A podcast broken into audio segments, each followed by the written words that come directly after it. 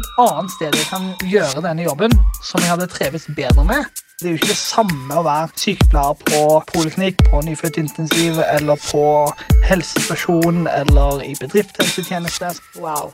Sykepleierutdanningen. Den åpner helt sinnssykt mange dører. Nå kommer det et lite stikk.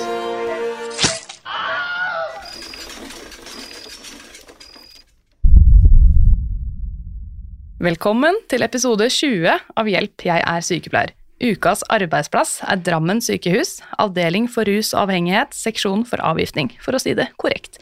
Men jeg velger å korte det ned litt og kalle det avgiftningsenheten eller avgiftningsseksjonen, f.eks. Ukas gjest er en spesialsykepleier som jeg både digger og alltid har sett opp til, for denne gjesten og jeg går nemlig way back. Denne spesialsykepleieren heter Karoline Rudlang og er ifra Holmestrand! Velkommen så mye til poddens nye studio her hos Moderne Media i Oslo sentrum. Tusen takk, Helene. Gratulerer med nytt studio. Takk, det er stas. Skulle hatt med blomst, men jeg var litt stressa i dag for denne dagen, så jeg glemte lommeboka hjemme. Ja, det gjorde du. Og iPhone-lader og Men Ja. du kom deg hit, da. Kom meg hit, det var det viktigste. Ja, og jeg fikk tatt ut cash til deg på Narvesen og Måtte tigge penger. Ja, ja, ja. Ja. Sånn er det i Oslo. Sånn er det i Oslo. Ja, men Veldig kjekt å ha deg. Jeg har jo gleda meg veldig til å spille inn episode med deg. Og det er jo ikke bare bare to sykepleiere som skal finne en dato hvor det passer for begge, men vi fikk det til. Vi fikk det til. Ok, Skal vi bare cruise gjennom de faste spørsmålene? Oh yes. Hvorfor blei du egentlig sykepleier, Karoline? Jeg hadde lyst på høyere utdanning. Ja. Hadde prøvd å jobbe litt på sykehjem da jeg var russ. Likte det. Og så har jeg to foreldre, da, som har jobbet i helsevesenet hele sin yrkeskarriere, så jeg ble nok litt inspirert der også. Ja, for hva er det foreldrene dine er igjen? Ja, mamma er spesialsykepleier, operasjonssykepleier. Pensjonist nå, og så har hun jo vært fylkesleder i Norsk Sykepleierforbund i 13 år. Oi, oi, oi. Pappa, han er doktor. Ortoped. Pensjonert nå. Mm. Ikke sant, Så der ble det naturlig for deg å velge en helseutdanning òg? Jeg fikk jo litt informasjon fra de. Ja, du ble ikke skremt bort, liksom, av helsevesenet? Nei. Blei ikke det, altså. Så bra. Det er jo mye bra i den verden her òg. Mhm. hva ville du blitt hvis du ikke skulle bli sykepleier? Da skal jeg ramse opp fire ting. Ja. Det kunne blitt eh, arkitekt, lærer, ingeniør eller jobbet med musikk. Ikke sant? Litt, eh, litt forskjellige ting å velge mellom der. Og så nå har jeg begynt med et sånn nytt spørsmål av de faste, for det ble litt kjedelig å stille alle de samme spørsmålene. Hva skulle du ønske noen fortalte deg om sykepleieryrket før du blei sykepleier? Det er jo et veldig godt spørsmål. Det jeg skulle ønske at jeg i hvert fall fikk informasjon om, som gjorde at jeg ble overbevist nok til å forstå det, var hvor mange muligheter det faktisk er i det yrket her. Så da skulle jeg jo da ønske meg at denne podkasten her da var laga før jeg ble sykepleier. Jeg skulle gjerne hatt den selv, jeg. Ja, men da var du konfirmant, Ja. ikke sant? så det hadde jo ikke funka. Så derfor er jeg veldig glad for at det, det fins nå. Ikke sant? Så jeg håper jo at uh, folk kan få nytte av den podkasten her, da. Men ok, nå vil jeg høre litt om deg, om videreutdanningene dine og arbeidsplassen din. Uh, kanskje du kan fortelle litt om de videreutdanningene du har tatt først? Ja, jeg var såpass glad i å gå på skole at da jeg var ferdig sykepleier, så gikk jeg rett på en masterutdanning. Det syns jeg er litt sykt, fordi jeg føler de fleste er så lei av skole etter de tre årene at de, de snakker om å brenne bøkene sine og sånn, mens du var litt sånn stikk motsatt at dette Ja. var gøy. Sant? Jeg Klarer ikke å forklare hvorfor, men jeg søkte meg inn på en mastergrad, en ren sykepleierfaglig mastergrad, som vitenskapelig vinkla, men også klinisk retta. Eh, Den heter jo da klinisk sykepleiervitenskap, nå har den bytta navn i det senere til fagutvikling og forskning i sykepleie, det syns jeg matcher mye bedre. Eh, Vi var mange forskjellige sykepleiere der. Noen var operasjonssykepleiere, det var jordmødre, det var folk uten spesialisering. Men vi lærte oss å jobbe systematisk med fag og forskning. To år fulltid.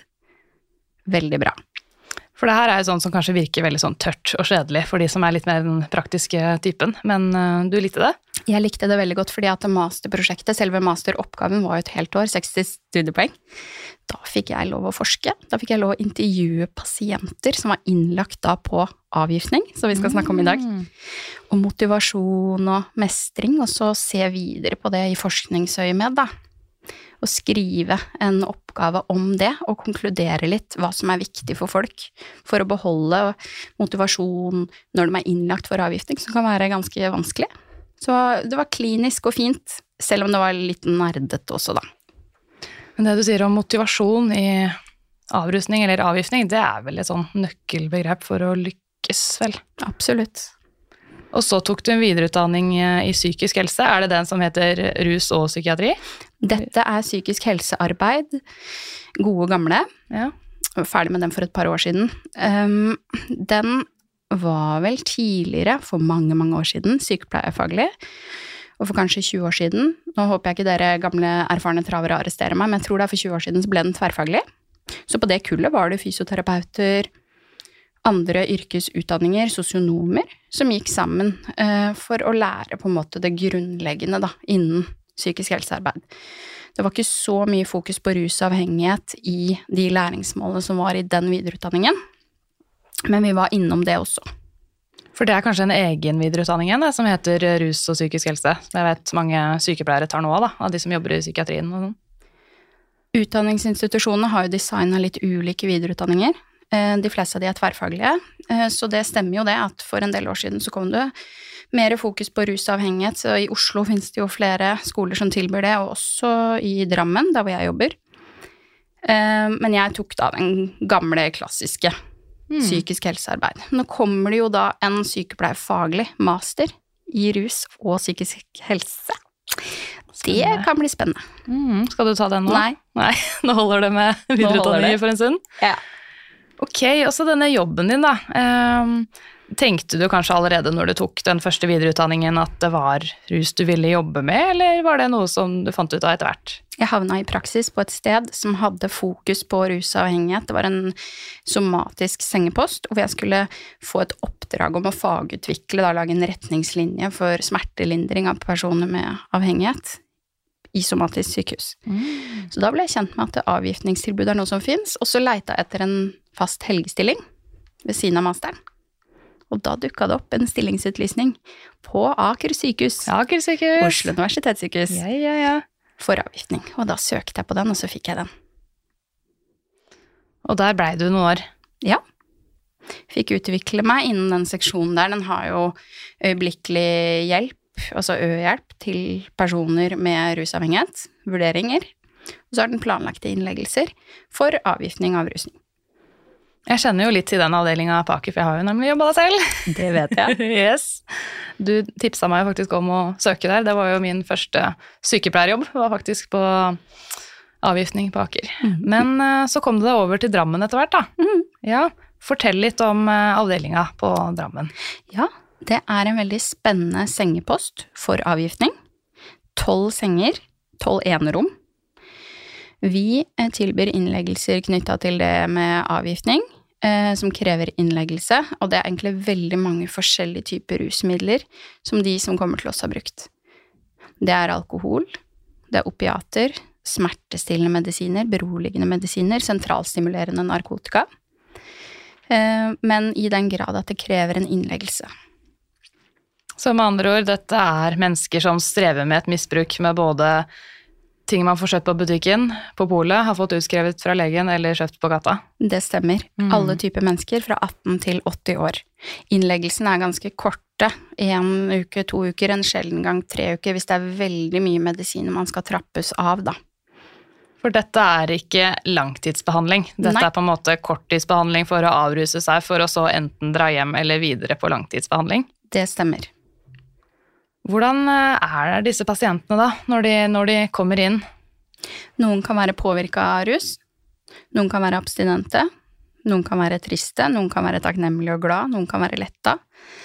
Noen har nok vært hjemme og brukt så mye rus over tid at helsetilstanden generelt er ganske dårlig. Så vi tar jo blodprøver og sjekker ut vitale parametere, og monitorerer for å se grenseoppgang hvis de egentlig burde vært på en somatisk sengepost for å korrigere noe medisinsk, da. For eksempel intravenøs væskebehandling, antibiotikabehandling sånn sett, oksygenbehandling, det er jo ting vi på den sengeposten jeg jobber nå, eh, ikke har tilgang på, men som vi får når vi skal inn i nytt sykehus, da.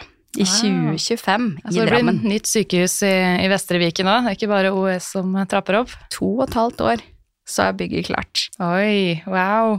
Hvor skal det nye sykehuset ligge? Er det nærme der hvor du jobber nå? Det er Brakerøya i Drammen, så det er ganske kort avstand til Drammen sentrum. Så det blir veldig fint. Så da blir det litt mer sånn medisinske greier. Det håper jeg. Ja.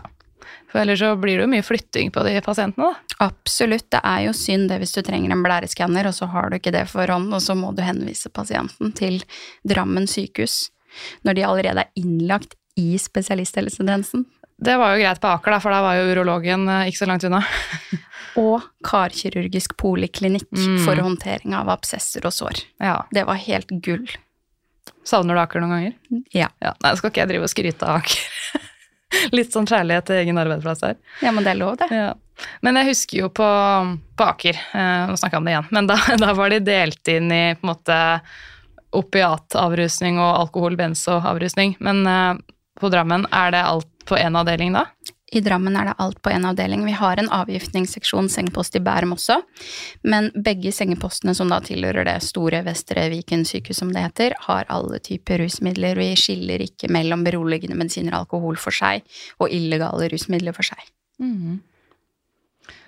Kan du fortelle litt om hvordan abstinenser er? For det er jo litt annerledes hvis man får abstinenser fra opiater versus abstinenser fra alkohol, f.eks.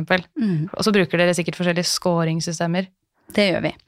Felles for abstinenser er at man kan gjøre en objektiv klinisk vurdering, men det kan være kjekt å ha litt trening i det og ha sett det in real life eh, noen ganger sammen med en kollega, kanskje, før man skal gjøre det første gang. Men det handler jo om eksempel når det gjelder alkohol, da, at man av og til har skjelvinger eh, og kaldsvett hud, forhøya puls, eh, hjertebank og sånne ting. Eh, og hvis man kun har brukt alkohol, så kan man jo snakke med pasienten om når stoppet du å drikke, for å se liksom hvor mange timer det har gått. For alkoholabstinens vil jo gjerne inntre egentlig noen få timer etter siste inntak, og det kan komme abstinenser selv om man har høy promille, på grunn av toleranse. tenkte jeg. -hmm. Og så, når det gjelder da eh, opiater, så vil man jo ha egne eh, skåringer der. Eh, da er det blant annet rennende nese, forstørrede pupiller.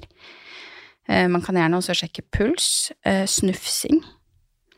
Eh, også det med skjelvinger og, og sånn tremor, da. Vi har jo skåringsskjemaer som vi bruker fast, som heter Siva og Kaus.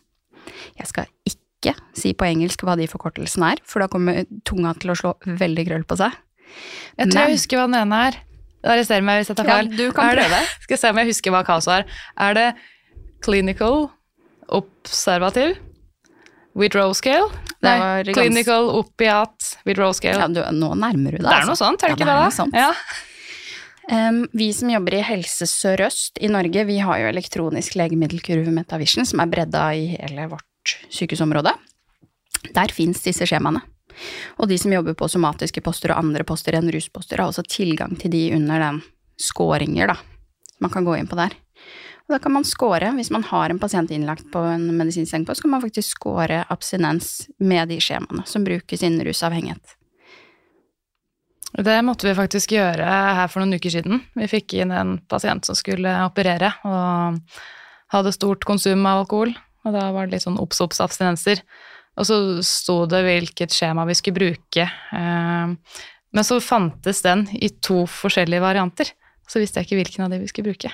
Hvis pasienten er innlagt i sengepost, så har man i hvert fall tilgang til Metavision. Ja, begge to var på Metavision. Så det var to ulike skjemaer der. Mm, Oi, oi, oi. ja, Det er fancy. ja. Jeg husker jeg sa til alle det er kjempeviktig at alle gjør det. Da ser du, da fikk Ja. du bruk for din kompetanse og erfaring fra å jobbe med rus. Mm. Og det er jo noen av de spørsmåla som har kommet, inn da, i forkant av denne episoden, handler jo litt om akkurat det. For det er jo ikke sånn at på en somatisk sengepost har pasientene bare somatiske lidelser, og på en eh, rusavdeling så er det bare rusproblemer. Det er jo veldig mye at man har litt av både det ene og det andre. Absolutt.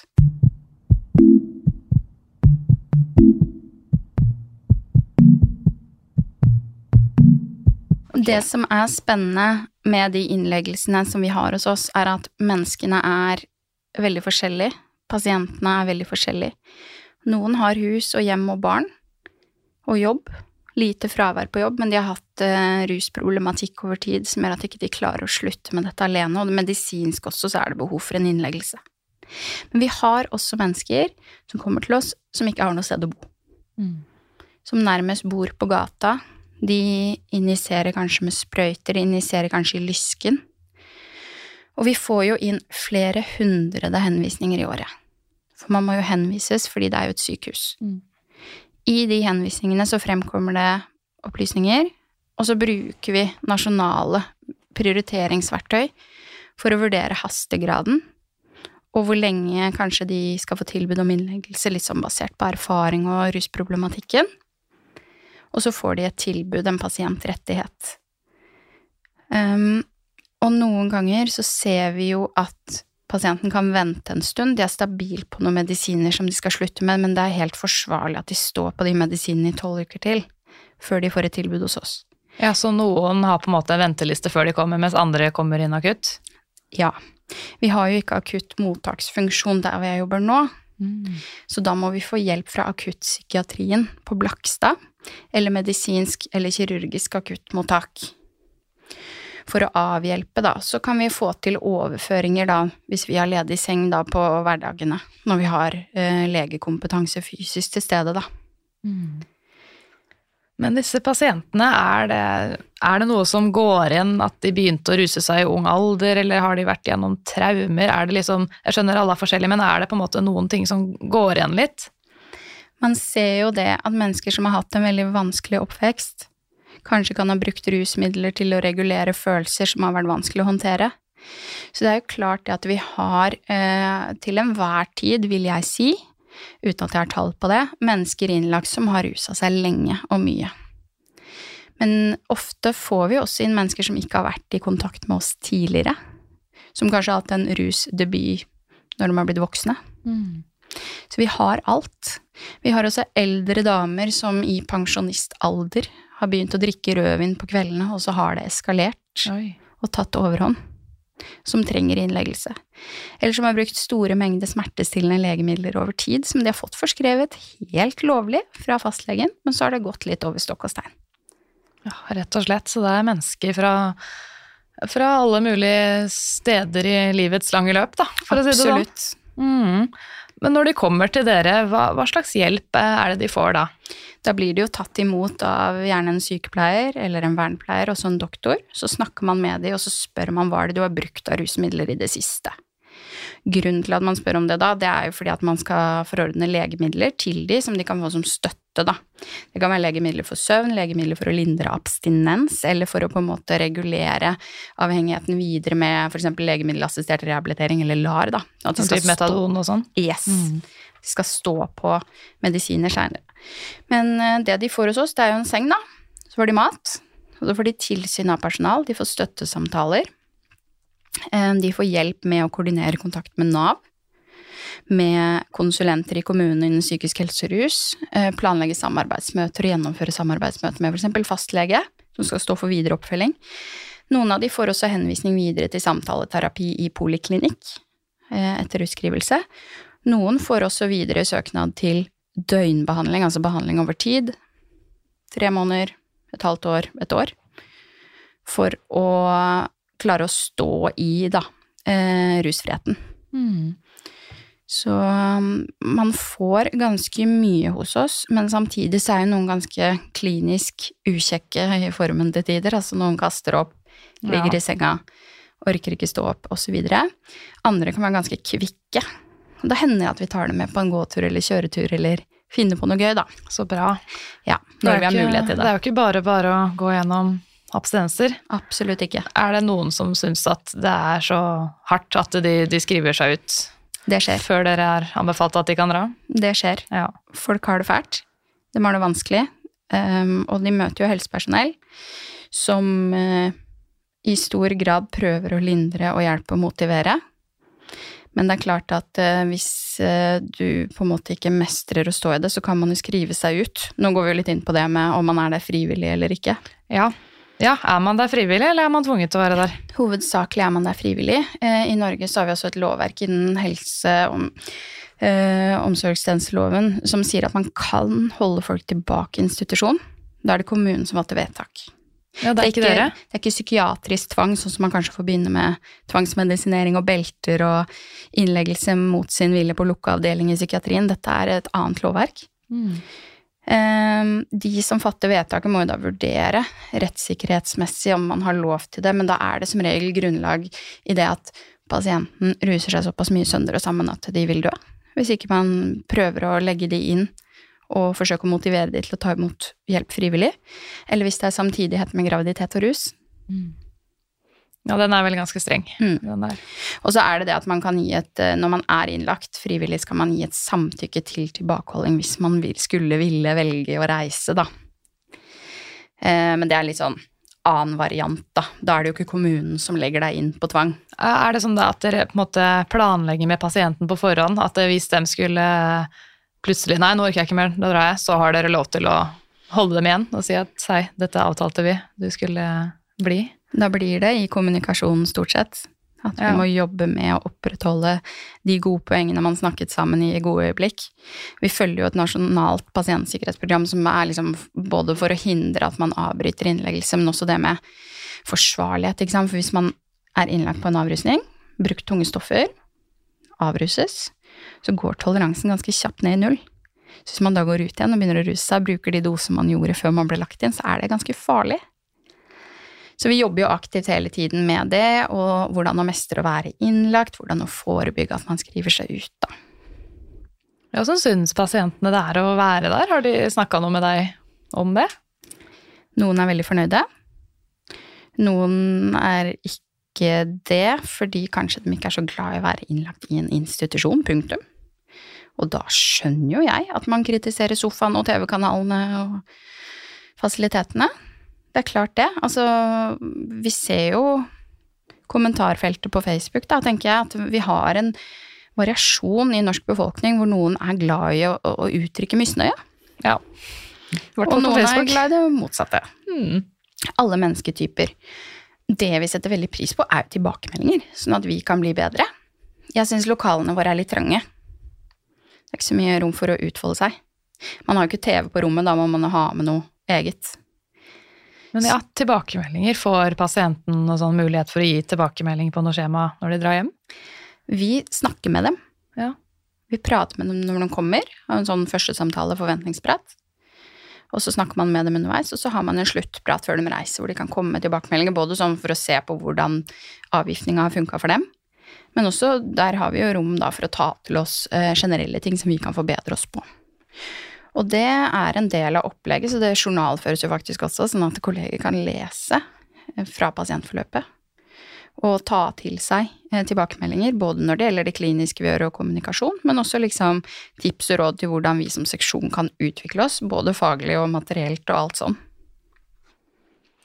Nå kom jeg på, har ikke dere sånne det, det er et navn på det, men noen som har bakgrunn som rusmisbruker, som er der og, som likeperson, som er der og snakker med dem.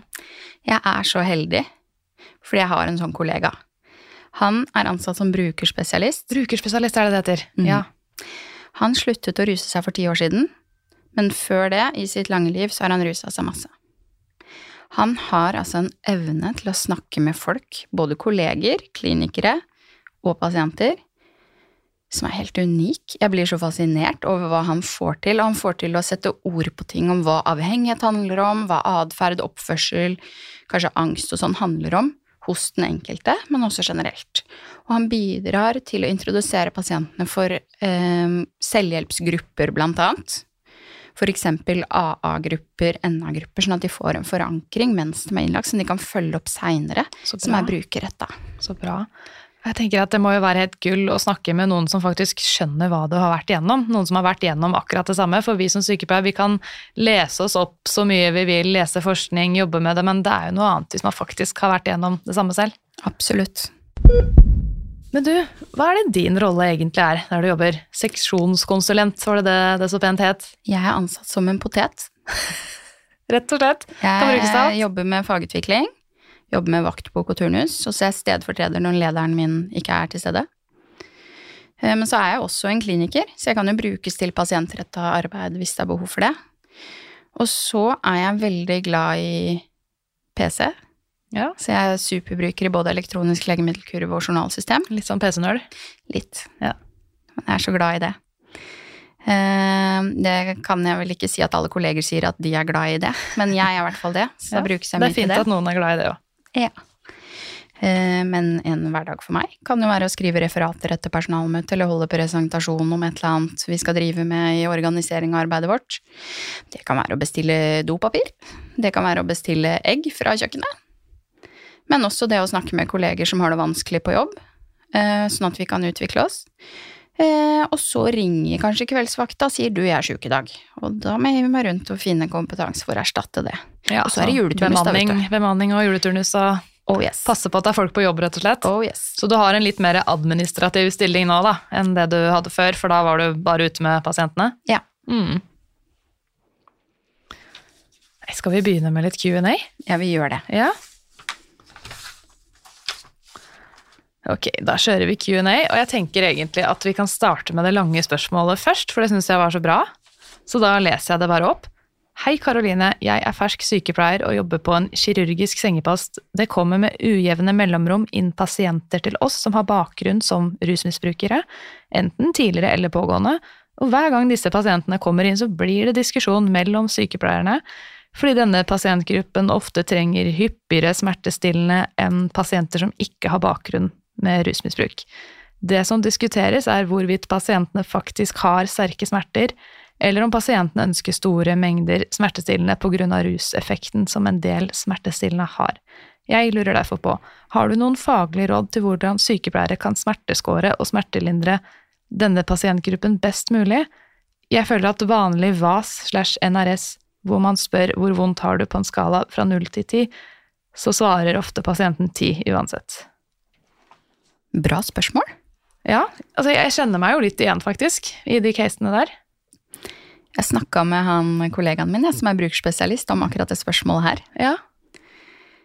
Um, det jeg tenker, er at uh, jeg vet at det foreligger en del stående forordninger rundt om. Om man skal smerteskåre, og så kan man gi da legemiddel som er liksom forordna på indikasjon.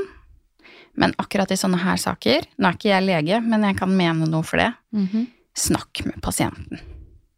Fordi folk med rusavhengighet, og kanskje da til opiater og smertestillende legemidler, de tåler mye. Og da handler det kanskje ikke om å oppnå en ruseffekt, det handler kanskje om å holde seg frisk for abstinenser. Og hvis man er abstinent på opiater, så er det selvsagt vanskelig å drive god smertelindring, fordi at eh, abstinenser i seg sjøl er veldig ubehagelig, kan også gi smerter.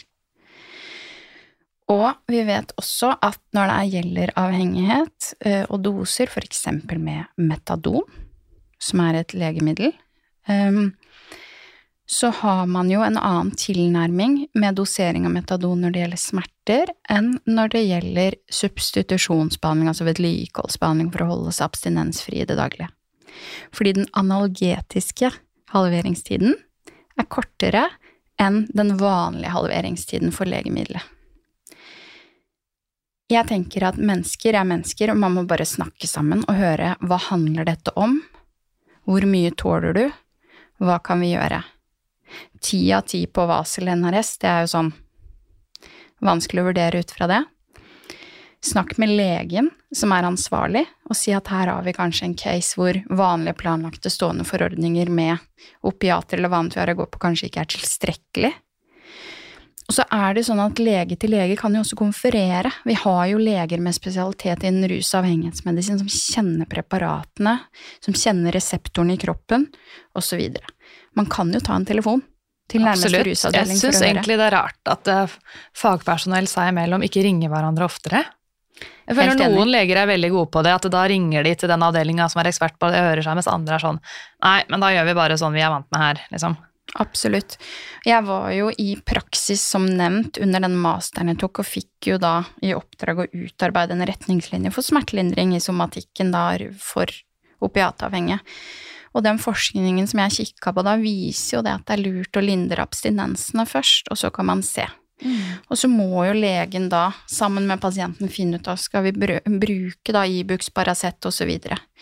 Og så må vi også huske på det at opioidreseptorene våre, de reagerer jo da ulikt når det gjelder buprenorfin, Subutex-preparater, opp mot mer morfinlignende preparater, så er det viktig at liksom legen er kjent med at hvis du står på Subutex, så vil du kanskje ha litt begrensa effekt av andre opiater.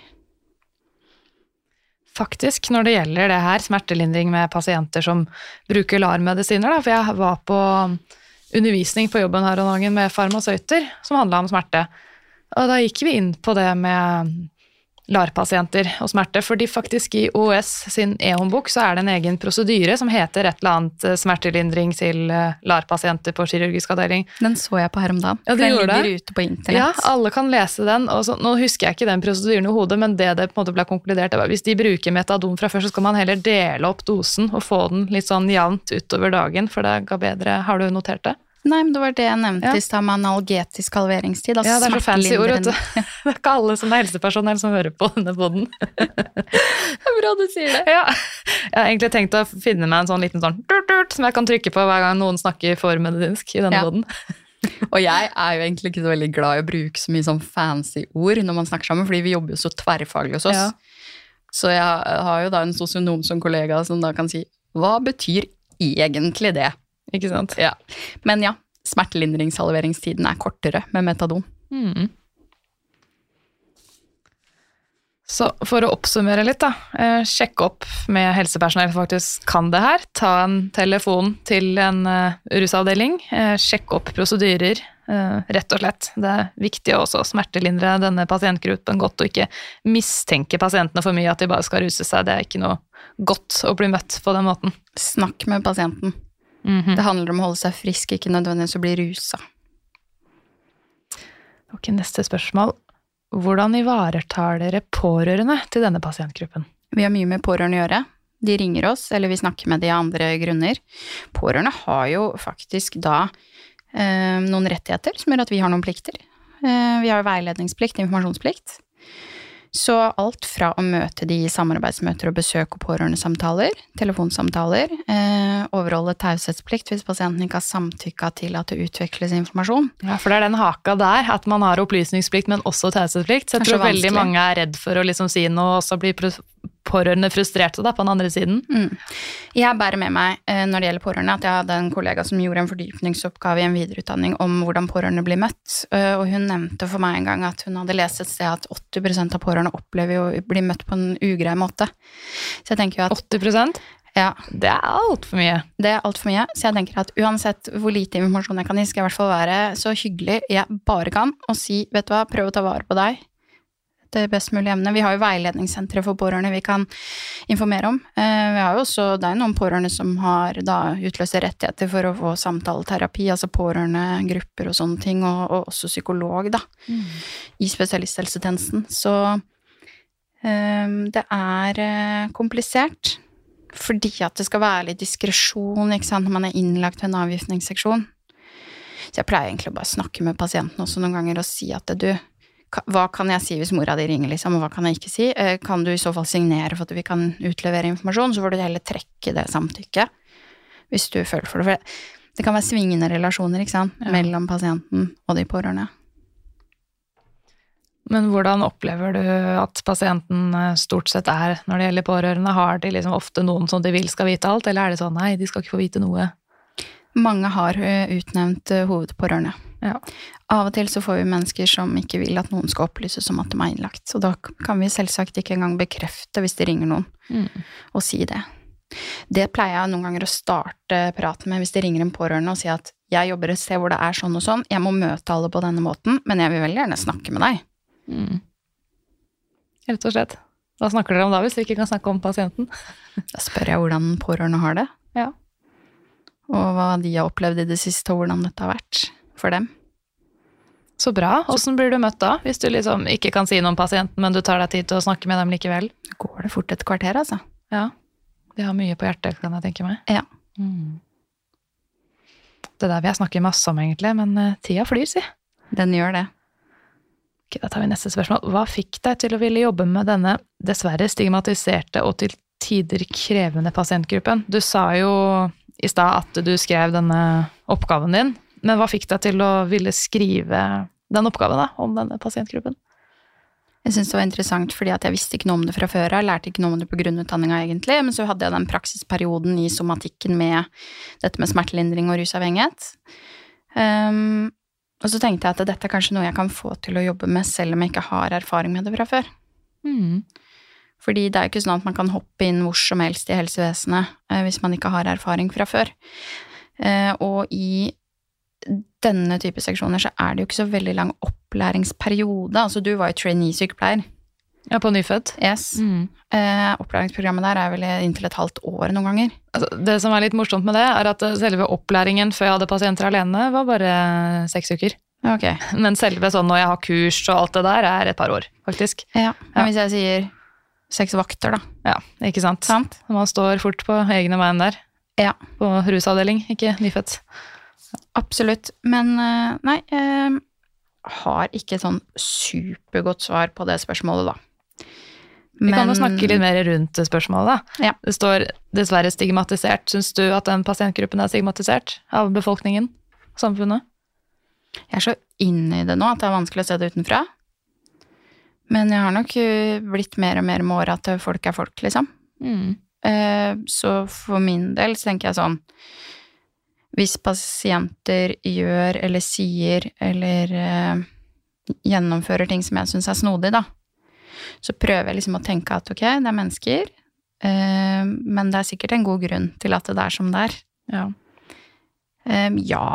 Men samtidig så syns jeg at liksom økte rettigheter, fokus på spesialisthelsetjeneste, avgiftning i sykehus, rusbehandling i sykehus, altså det er jo up and coming, da, legespesialiteter, videreutdanning, vi snakket om psykisk helse og rus, master for sykepleiere.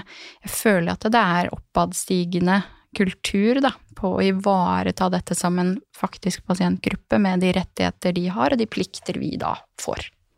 ja, jeg er litt enig, fordi jeg føler sånn i gamle dager, da jeg var ung, så var det, litt mer sånn ja, ikke sant? var ung. Men altså, før hele denne opplysningstiden med internett, da, eh, så var det mye mer sånn derre å, pass deg for uteliggeren, det er farlig, liksom. At man hadde fordommer, da. Men nå blir det på en måte mer anerkjent som en egen pasientgruppe. At uh, abstinens rusmisbruk, det er på en måte en egen diagnose. Og har man en diagnose, så har man rettigheter, ikke sant. At det liksom blir mer likestilt med pasienter i somatikken, da. Jeg syns egentlig at du svarte bedre på det spørsmålet der, som host, enn det jeg egentlig fikk til nå. Så jeg tror vi bare kjører på med det svaret ditt, jeg. Ja. Ikke sant? Så da, da konkluderer vi med det. Bank i bordet. ok. Tips til hvordan man kan møte slike pasienter på en vanlig sengepost. Vanlig sengepost, hva er det? Det er kanskje somatikken de sikter til, da? Ja. Ja. Nei, jeg gjentar meg jo stadig her nå, men snakk med dem, da. ja. Altså, de har jo tålt mye opp igjennom, hvis de har vært igjennom uh, kjipe perioder, og kanskje også blitt møtt med stigma, da. Men det er jo aldri feil å snakke med noen på en sånn halvydmyk måte og si du, hva tenker du, nå er du her. Hva kan vi gjøre for deg, hvilke forventninger har vi til hverandre? Hvordan skal vi få til dette sammen? Rett og slett. Man trenger ikke å gjøre det mer komplisert enn det trenger å være. Nei, og så får man jo prøve å plassere liksom, hvis det er sånn ugreie kommentarer, eller kommunikasjonen er kjip, eller folk er uhøflige eller frekke, at det handler stort sett ikke om deg som helsepersonell eller deg som person, det handler om at folk har det vanskelig, punktum. True. Hva består din arbeidshverdag av? Det sa du litt i stad, det var litt eh, hummer og kanari. Hummer og kanari. Ja. Ja. Så er det noen som sier 'spennende jobb'. Hvordan ivaretar dere barn som pårørende? Og hva overrasket deg mest som nyansatt? Så her er det to spørsmål i ett. Ja, Hvis vi begynner med barn som pårørende, så har vi jo systematisk gjennomgang av informasjon som foreligger da i journal osv. Så videre. så hvilke opplysninger har vi om pasienten når den kommer, når det gjelder om de har barn, eller omgås barn, eller barnebarn osv., eller stebarn eller bonusbarn eller alt sånt. Eh, og da vurderer vi hvor mye mer vi skal grave i det, altså snakke med pasienten om det. Det kaller vi for en barnekartlegging. Og så tilbyr vi jo da samtale med barn, hvis det er aktuelt. Vi tilbyr å innhente mer informasjon fra barnemor eller barnefar som ikke er innlagt. Um, vi prøver jo å gi informasjon der vi kan. Vi har jo også besøksrom med leker osv. Hvis pasienten er i god nok form da, til at det egner seg at barn er til stede. Noe av det viktigste vi gjør for å ivareta barn som pårørende, er også å snakke med pasienten om hva det vil si eh, hvis de ruser seg, eh, og samtidig ha samvær med barn, og hvor mye barn oppfatter, hvordan det kan påvirke dem, og hva man kan gjøre for å få det bedre. Av og til så utløser de samtalene vi har, det som heter meldeplikt. Ja. Og det er jo ikke for å arrestere noen. Det er jo for å koble på eventuelle hjelpetiltak, f.eks. fra barnevernstjeneste, som vi da sender en opplysningsmelding til, med at vi har en person her nå som har barn, men som er i såpass dårlig forfatning, og antagelig kanskje har vært det en stund.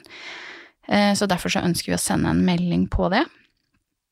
Eh, for at de skal kunne vurdere hvordan dette skal ivaretas videre. Det er jo ikke vi på sengeposten for avgiftning som bestemmer hvordan det skal ivaretas videre.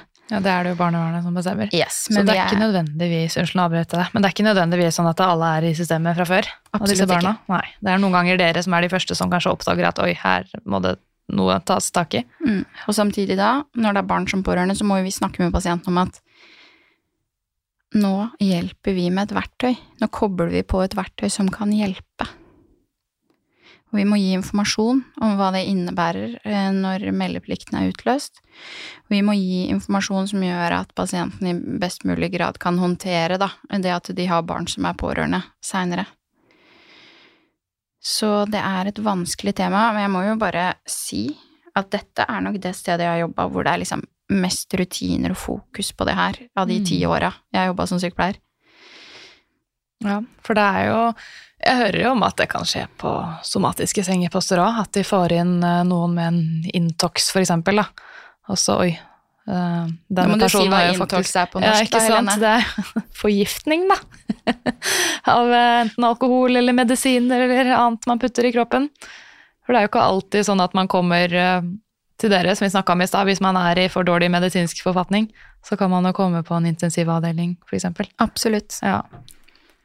Det er helt riktig. Eh, det er jo, nå går vi litt inn på lovverket igjen, da, at i Norge, i spesialisthelsetjenesten, så skal man jo ha barneansvarlige personell på hver sengepost som da kan veilede kolleger i hvordan å jobbe med disse temaene når du kommer inn pasienter da, som det aktualiseres for. Har dere egne sånne barnekontakter? Ja. ja så bra. Det er veldig bra. Så kunne vi jo snakka om åssen reagerer pasienten på når man kontakter barnevernet, men det får bli en annen pod. Det får bli en uh, annen pod, for det er ikke det hyggeligste alltid. Det er ikke det, og det blir vanskelig å fatte det i korthet. Ja, for det er veldig viktig. Ja, det er det jo, selvfølgelig. Så det andre spørsmålet i det spørsmålet var hva overrasket deg mest som nyansatt? Det er brukerperspektivet. Altså, jeg har aldri lært så mye av en pasientgruppe som da lærer meg så mye som helsepersonell om tilstander og symptomer. Og pasientene lærer deg? Ja. ja. ja det er gøy. Jeg husker det selv. Jeg bare, wow, De lærer meg mye. Det, ja, ikke sant? Du kan lese mye, og du kan på en måte følge kolleger rundt omkring, men altså, alt det pasientene forteller deg, viser deg. Det er jo ikke så vanlig andre steder, tror jeg, at nå har noen fått påvist en nyresvikt, så skal de lære meg hva det innebærer. Det er jo ofte sånn at man forventer at kompetansen er hos helsepersonell. Mm. Men her så bygger man kompetanse i møte med pasientene, og hvordan de på en måte selv rapporterer, da. Mm. Så jeg husker første vakta jeg hadde på avgiftning. Jeg holdt jo på å dåne, for da skulle hun, eh, pasienten fortelle meg hvordan jeg skulle trekke om metadonen, hvordan jeg skulle ta den opp i begeret hun skulle drikke, og hvor mye vann hun skulle ha. For hun sa 'her er det rester oppi, Karoline'. Oi. Jeg vil ha alt. Og så sa jeg bare 'oi, det var ikke jeg helt klar over'. Hun bare 'nei, da skjønner jeg at du, du har ikke jobba her lenger'. Jeg husker jeg var i psykiatripraksis som eh, student, da, og hun ene pasienten bare 'Du har mye å lære'. Jeg bare 'Det har du helt rett i, jeg har mye å lære'. Men jeg har trua på det. Takk. takk. Det er jo hyggelig det, at noen har trua på det. Absolutt. Jeg har lyst til å nevne én ting til som også overraska meg litt, da. Det å jobbe på sykehus, som det faktisk er, men den tverrfagligheten vi har i hverdagen. Det er jo så stas. Mm. Altså, Hvis vi får inn en henvisning, så kan ikke en overlege alene hos oss vurdere den og gi en pasient en tilbud. Det må være tverrfaglig til stede. Det må være psykolog der òg, og sosialfaglig. Det er, ja, ja, det er ganske kult. Det husker jeg fra Aker da jeg begynte der eh, på avgiftningen. da. Det skulle være noe tverrfaglig møte. Sånn, ja, da kan du bli med her. Trenger dere meg? Jeg er jo bare sykepleier og nyutdanna. Sånn, ja, men vi, vi trenger alle alle her for å få hjula til å gå. Ok, ok, jeg følte meg så viktig, jeg var med på møte. Mm. Så jeg syns det er kult at det er et tverrfaglig fagområde i spesialisthelsetjenesten. Så man kan ikke regjere alene som profesjon på noen som helst måte, man er nødt til å samarbeide. Og det var ikke jeg helt klar over da jeg begynte å jobbe med det. Så, men jeg digger det. For jeg liker jo folk, sånn at det er så koselig å måtte ha med kolleger å gjøre på jobb. Hvor lenge har du vært sykepleier nå? Ja, det er ti år. Ja, ikke sant? Og det har vært denne pasientgruppa primært du har jobba med hele tiden? Ja, men jeg har også vært innom psykiatri for eldre. Mm. Og FACT-team, altså fleksible oppfølgingsteam, gjerne og retta mot personer med psykoselidelser. Så, men rus og psykisk helse, yes. Mm, det er ditt hjertefag, på en måte? Det er blitt det, altså.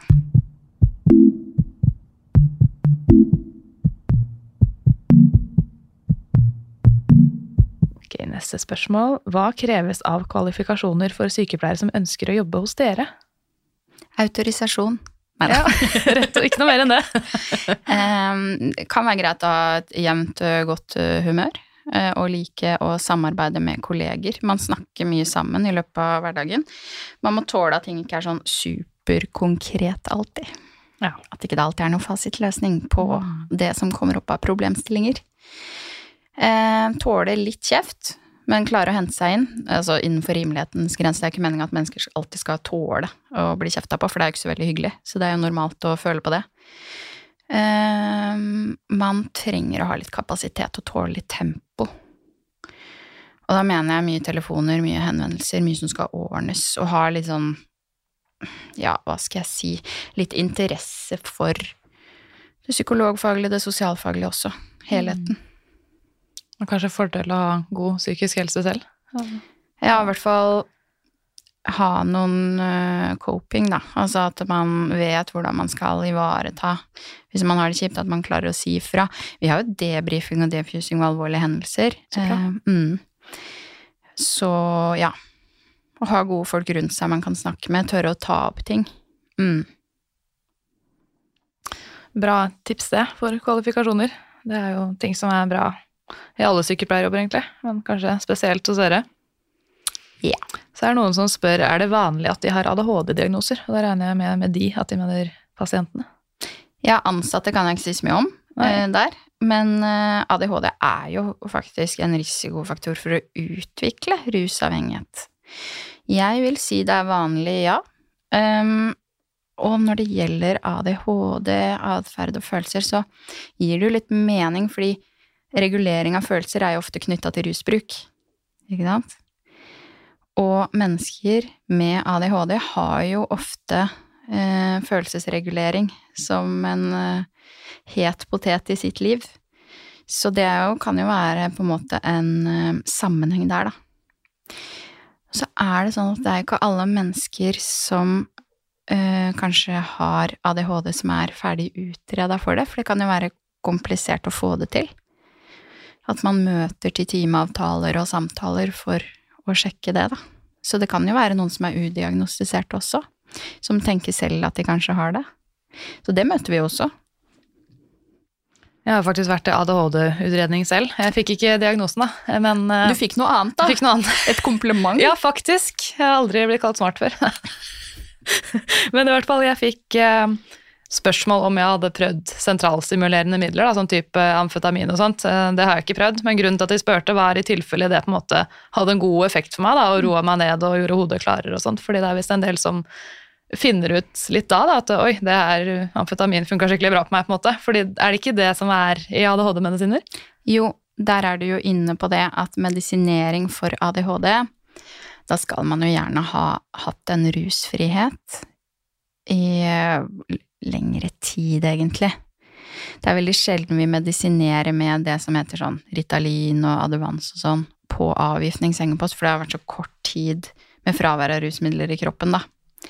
Men det stemmer det, at noen selvmedisinerer seg da med sentralstimulerende medisiner som er de samme type virkestoffene og lignende som er i ADHD-medisin, og som da reguleres ned av det.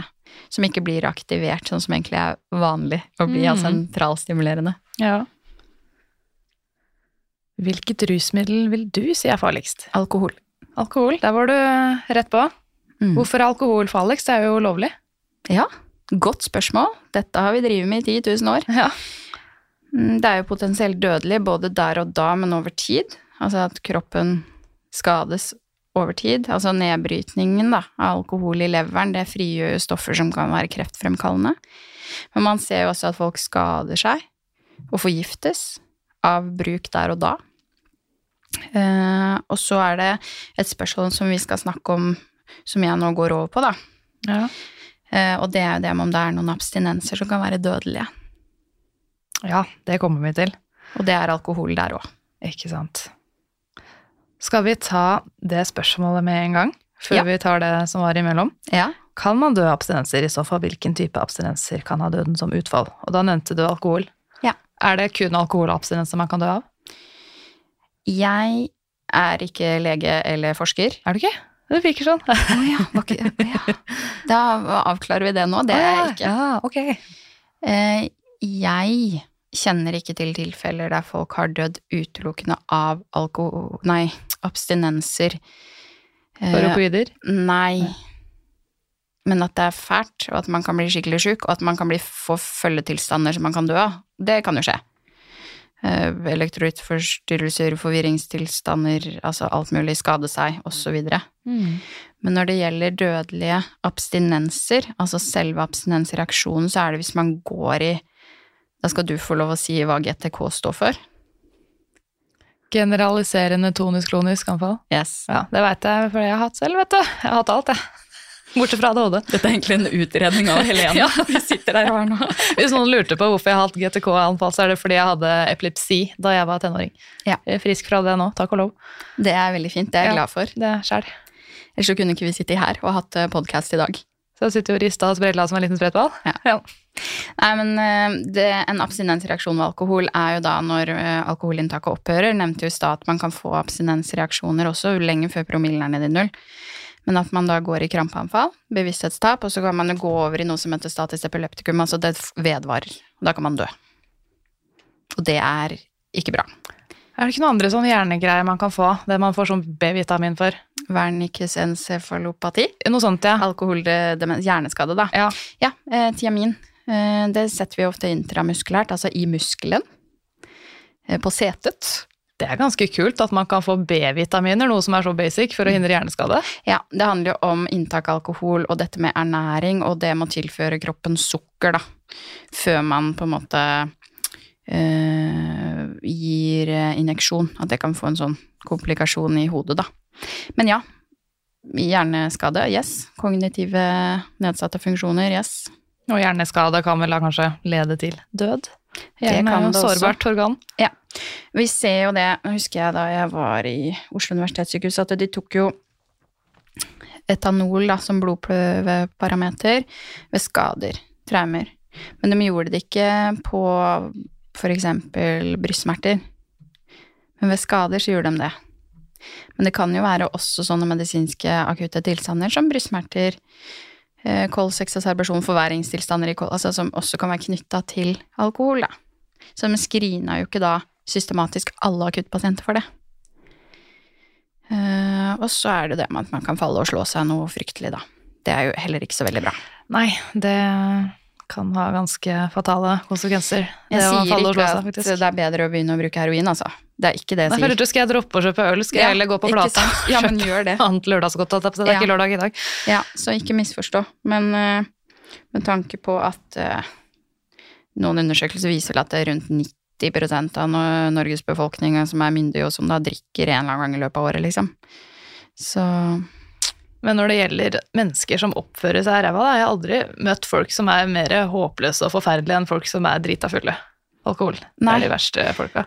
For nå trodde jeg du skulle si eh, altså alkohol og avrusning, for jeg syns jo mange mennesker som har brukt alkohol og som er innlagt for en avrusning, Da er så jeg folk jeg sykt møter på hyggelige. byen. Yes. Ja, så. Slutt, slutt å gå på byen, begynn å jobbe på avgiftning, for det er veldig takknemlig høflig mange av de folka man møter der. Rett og slett. Ja. Skal vi se. Var det Men du er jo litt inne på det, da, med kommunikasjon og hva det gjør med personligheten og sånn når man er full, og det er heller ikke så veldig hyggelig. Nei. Men så er det jo forskjell på å drikke jevnt og trutt for å ikke få abstinenser, og det å bare være Ola Nordmann på sydentur, på en måte. Ja. Det er to forskjellige ting. Det er ikke dødelig å være frekk, men det er jo alltid greit å på en måte Ja, det kommer an på. Kanskje du slår det rett ned. Ja, Jeg, som sagt, ikke dra på byen. Det kan hende jeg drar på byen en eller annen gang i Ja, løpet av livet. Selv Ja. om du har sagt det. Ja, men det er greit. Ja. um, opplever du at de fleste pasientene har et genuint ønske om å slutte helt med rus? Det er både og. Noen er så ærlige at de innrømmer at dette er en pust i bakken, selv om kanskje ikke forskningen alltid peker på at man forlenger livet ved å være innlagt for en avrusning, og så reise ut igjen og fortsette med rus. Eh, Noen får en wake-up call og slutter helt. Eh, Noen tror de har lyst til å slutte, så viser det seg at det ikke helt stemmer, da. Noen er ikke helt klare og motiverte fordi tidspunktet ikke helt klaffer med motivasjon. Men mange ja. Ikke alle. Ja. Har dere en del av de det er fælt å si svingdørspasientene, men de som kommer inn og ut og inn og ut hele tiden? Ja, jeg har ikke noe tall på det, men uh, det er jo klart at en viss andel uh, utgjør uh, reinnleggelser, ja. ja. Hvordan er arbeidsmiljøet? Er det mye vold og utagering? Og da regner jeg med at de tenker vold og utagering mellom pasienter og ikke ansatte? Ja, det håper jeg. Ja. Du kan få svare på begge deler hvis du vil. Ja. ja. Jeg har lyst til å si litt om det sosiale arbeidsmiljøet, jeg. Ja. Jeg har det kjempegøy på jobb, jeg. Vi har humor og har det skikkelig hyggelig. Ofte. Masse Vi trenger jo litt humor, da, for vi møter jo mye trist og kjipt og står noen ganger i ting. Vi har ikke mye fysiske utageringer. Det hender at noen pasienter kaster en stol i veggen, det er ikke så ofte, men jeg har ikke vært med på at noen har utagert fysisk mot personal. Så bra. Det er kanskje litt sånn vanlig misoppfatning at uh, jobber man på avrusning, så blir man slått ned, liksom. Ja, men så er det verbale utageringer, da. Ja. Kjeftesmelle. Ja. Er det mer av det enn det, det fysiske? Det er mer av det. Ja, ikke sant. Blir man vant med det? Vi snakka litt om det i stad, at det jo ikke, skal jo ikke være normalt at man skal venne såpass til det at man ikke reagerer når det skjer, da. Men det å tenke og klare å forstå, for eksempel hvis Det har vi ikke snakka så mye om nå, men eh, samtidige lidelser, eh, personlighetsforstyrrelser, psykiske lidelser som gjør at personen ikke har tilgang på å reflektere over hvordan de snakker, eller sånn, på lik linje som folk som er helt friske, da. Mm. Det gjør det kanskje litt lettere å møte folk som kjefter og sier uhøflige og frekke ting. For da har man forståelse mm. om hvorfor, liksom. Men mm. er det på en måte innafor noen ganger å si at 'jeg syns ikke det var noe hyggelig at du sa det til meg'? Absolutt. Ja, det hender at dere sier ifra? Ja, eller på vegne av en kollega at sånn som du snakka til henne nå, det syns eh, ikke vi er greit. Eh, så det er fint om du kan prøve å slutte med det. Forstår de det da, pasientene, når dere sier ifra at det ikke er greit? Ofte. Ja, så bra. Men det må være roende stemning. Ja. Det kan ikke være in the heat of the moment. Vi må ta det når ting har roa seg, for da er man mye mer tilgjengelig også. Det er jo et generelt tips til alle. Ikke ta ting i flammens hete. Vent til det har roa seg litt, så Absolutt. forstår begge parter bedre. Ikke skriv brev når du er sint. Nei. Nå er vi snart gjennom her. Ikke verst, Helene. Nei, det virker som vi nesten rekker det før Nei, vi rakk det ikke før fem, men det går bra. Ja, Det, det går, går fint for meg. Ja. Jeg har lånt penger av deg, så det, det har du. Hva er det beste med å jobbe på avgiftningsenhet? slash avgiftningsseksjon, hvis det var mer riktig. Det er det at det er veldig variert. Vi har alt fra diabetes, sår, eh, til komplekse psykiske lidelser som er stabile nok til å kunne være hos oss, da. Mangfold av medisiner, legemidler, alle typer pasienter, alle typer mennesker. Eh, og så syns jo jeg, dette er min mening, at jeg aldri har jobba et sted hvor det har vært så kjekk bemanning eh, opp mot at vi er en sengepost. Jeg har jo snakka med folk som har jobba i somatikk, nå har 29 senger på kirurgisk. Eh, og så har de kanskje vært like mange folk som det vi er på dagtid på våre tolv senger, men de har jo akuttfunksjon, og det kommer jo inn pasienter hvor pårørende engang ikke er informert om at de er akuttinnlagt, som er kjempedårlige. Man løper imellom og rekker jo ikke å gå på do en gang i løpet av arbeidshverdagen. Sånn er det ikke hos oss, syns jeg, da. Opplever du at, at, dere har bedre tid til pasientene på avdelinga du jobber på, versus eh, somatikken? Ikke alltid, fordi vi har veldig mange andre oppgaver vi skal drive med. Du nevnte jo litt det der med sånn boligsosiale og telefoner og journaler. Ja, det er mye kommunikasjon med kommunen og Nav og ja, sånne mye greier. Ja. Men eh, det er noe av det beste, syns jeg, da, at det er såpass variert. Eh, og det tverrfaglige. Og så er vi jo en miks, da av kvinner og menn. Det tror jeg er litt kult og ja, lurt. Det gjør ofte noe med arbeidsmiljøet, det, altså. Yes. Um, så jeg unner folk å teste det ut, altså, hvis man er nysgjerrig. Ja. Nå har ikke vi noen ledige stillinger akkurat nå, men jeg skal si ifra. Men det er jo nesten litt godt tegn, da, at dere ikke har ledige, for det, det er ja, jo noen som har alltid ledige stillinger, og da kan man tenke litt sånn hm, hvorfor er det alltid ledige stillinger her, er det fordi folk slutter hele tiden? Ja, sant. Ja. Har ditt syn slash forhold på rusmidler endret seg i løpet av tiden du har jobbet der? Jeg har fått veldig respekt da, for jobben som fastlegene våre gjør. Eh, andre instanser i spesialisthelsetjenesten og hva man liksom står i. Eh, fordi det kan være så mye alvor knytta til rusmidler, da, og helse. Um, men jeg har ikke hatt noe mer lyst til å prøve amfetamin etter jeg begynte å jobbe på avgiftning, nei. Det er bra. Ja, Ja. så um, Synet Det er liksom vanskelig å svare på egentlig, da. Um, jeg har nok mer respekt for uh, hvor mye det kan skade og ødelegge, da. Mm. Det siste spørsmålet det var såpass likt som et av de andre. Og det er hvordan vi som jobber i somatikken kan bli bedre på å møte denne pasientgruppen. Og da har du sagt at vi må snakke med dem. Er det noe annet du tenker som vi kan gjøre for å bli bedre i møte med denne pasientgruppen? Jeg bare supplerer med det å søke kunnskap, da. Mm. I tillegg til å snakke med dem. Men man får jo på en måte kunnskap av å snakke med dem. Det var litt det poenget jeg hadde i stad. Ja. Lær av pasienten, på en måte. Oh, yes. Pasienten er ofte fasiten på seg selv. På seg selv. Ja. Ikke fasiten på nødvendigvis tiltaket vi skal gjøre. Nei, det var det, da. Men brukermedvirkning er viktig. True. Ja, men Karoline, da er vi faktisk gjennom. Er vi det? Ja, tusen, tusen takk for at du kom. Men er det noe mer du vil legge til som vi bare må få vite om arbeidsplassen din eller denne pasientgruppa, så kjør på. Jeg bare lurer på om jeg får bestått eller ikke, jeg nå. Nja, jeg, skal- jeg må kalle inn en sånn nemnd. Vet du hva, jeg er veldig veldig fornøyd, og jeg gleder meg skikkelig til å slippe episoden. Så Takk for meg! ferdig! Takk for at du hørte på Hjelp, jeg er sykepleier. Hvis du likte episoden, blir jeg veldig glad hvis du vil anbefale den videre til en venn, kollega eller andre du tror kan få glede av podkasten. Hvis du vil gi meg tips, tilbakemeldinger eller komme med ønsker for podkasten, så kan du enkelt sende meg en DM på Instagram. Der heter jeg Hjelp, jeg er sykepleier, med understrek mellom hvert ord.